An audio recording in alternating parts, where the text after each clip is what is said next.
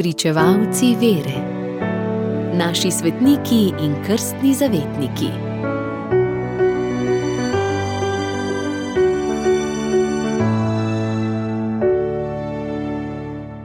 Enajstega avgusta goduje sveta Klara, ustanoviteljica reda Klaris.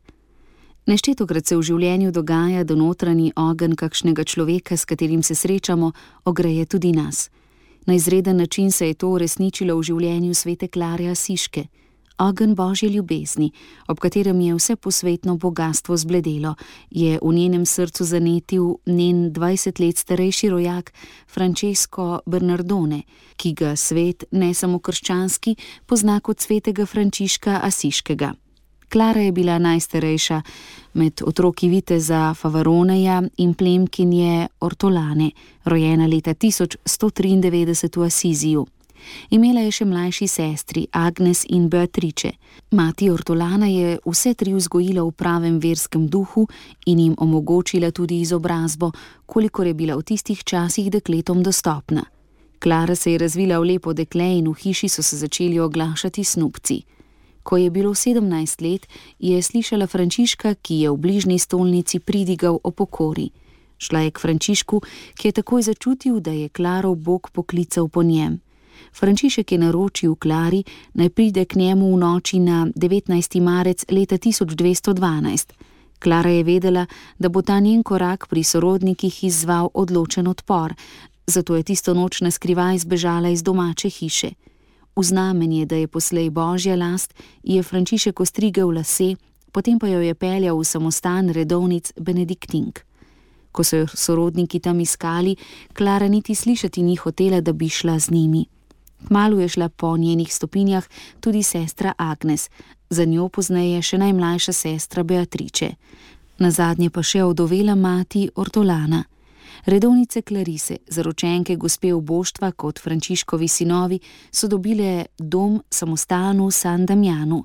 Redovna družina pri svetem Damjanu ni imela stalnega vodila, živela je po navodilih, ki jih je sproti dejal sveti Frančišek, v njegovi odsotnosti pa njegovi sobratje.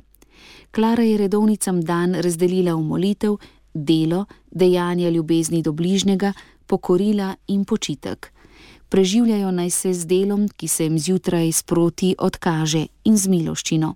Pokore naj se zlasti z molkom in s postom, razen v bolezni naj ne uživajo mesa. V tem so povzeta pravila reda Klaris, ki veljajo še danes. Klara se je morala dolgo bojevati za svoje redovno pravilo oboštva.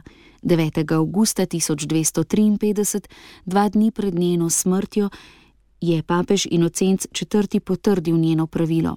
Naslednji dan ga je že imela v rokah. To je bila ura njenega največjega veselja. Ko so jo 12. augusta istega leta pokopali, so ji dali to listino njene neumajne zvestobe do oboštva v grob kot znamenje njene največje zmage. Že dve leti po smrti, 15. augusta 1255, je bila razglašena za svetnico.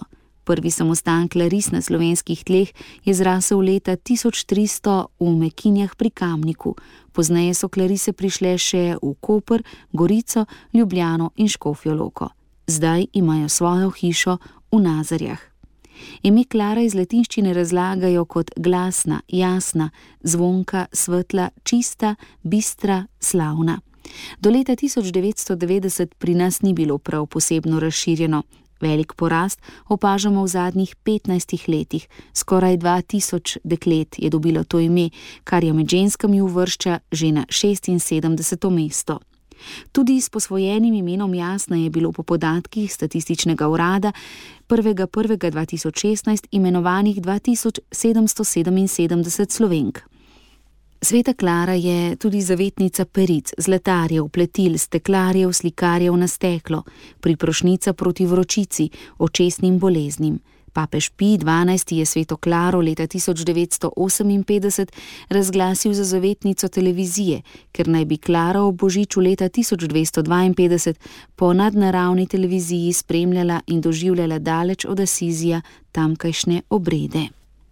Danes zgoduje tudi sveta Suzana mučenka, ki je zavetnica Rima, priprošnica v nesrečah, proti obrekovanju in proti dežju. Radio Ognišče, vaš duhovni sopotnik.